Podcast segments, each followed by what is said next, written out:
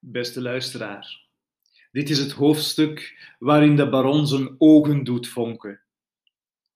Mijn vriend, de generaal, onderzocht of hij mij een baan kon bezorgen bij het Russische leger. In afwachting daarvan logeerde ik in een houten huis te midden van de Russische natuur.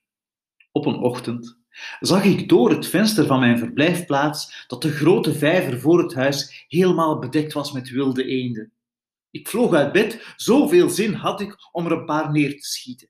Ik liep zo gehaast naar beneden dat ik met mijn gezicht tegen de openstaande deur botste. Er sprongen vonken uit mijn ogen van de schok. Maar uh, er was geen tijd te verliezen. Ik vulde mijn geweer met buskruid, mikte en haalde de trekker over.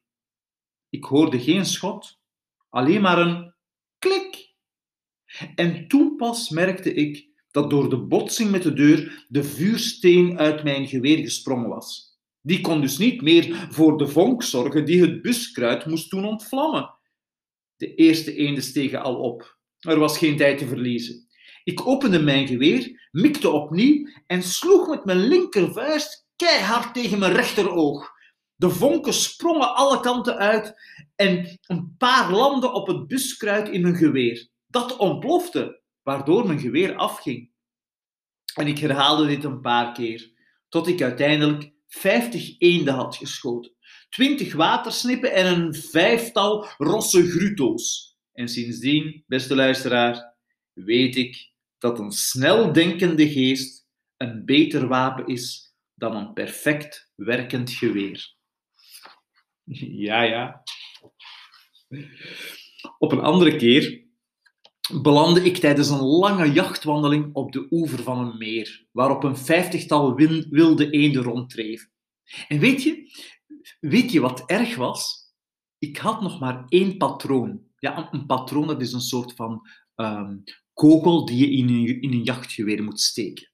Dus ik had nog maar één patroon en ik had ondertussen zoveel Russische vrienden dat ik al die eenden moest kunnen schieten om hen op een etentje bij mij thuis te kunnen trakteren. Eerst hoopte ik nog om verschillende vogels met één schot neer te schieten.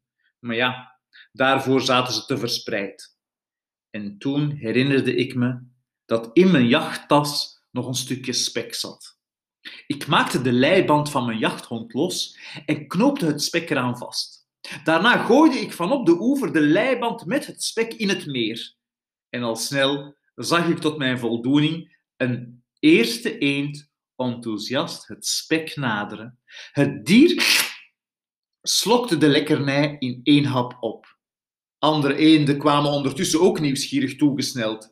Het vette spek had niet veel tijd nodig om door het lichaam van die eerste eend te glijden. En al snel gleed het er via de achterkant weer uit. En dadelijk zwom een tweede eend erop af, verslond het met zijn bek en raakte het aan de achterkant weer kwijt. En daarna kwam er een derde, en een vierde, en een vijfde, enzovoort, enzovoort. En op een paar ogenblikken was het spek in en uit alle eenden gegaan, zonder dat de leiband waaraan het vastgeknoopt zat, gebroken was. De eenden hingen nu allemaal aan die leiband vast, als parels aan een halsketting.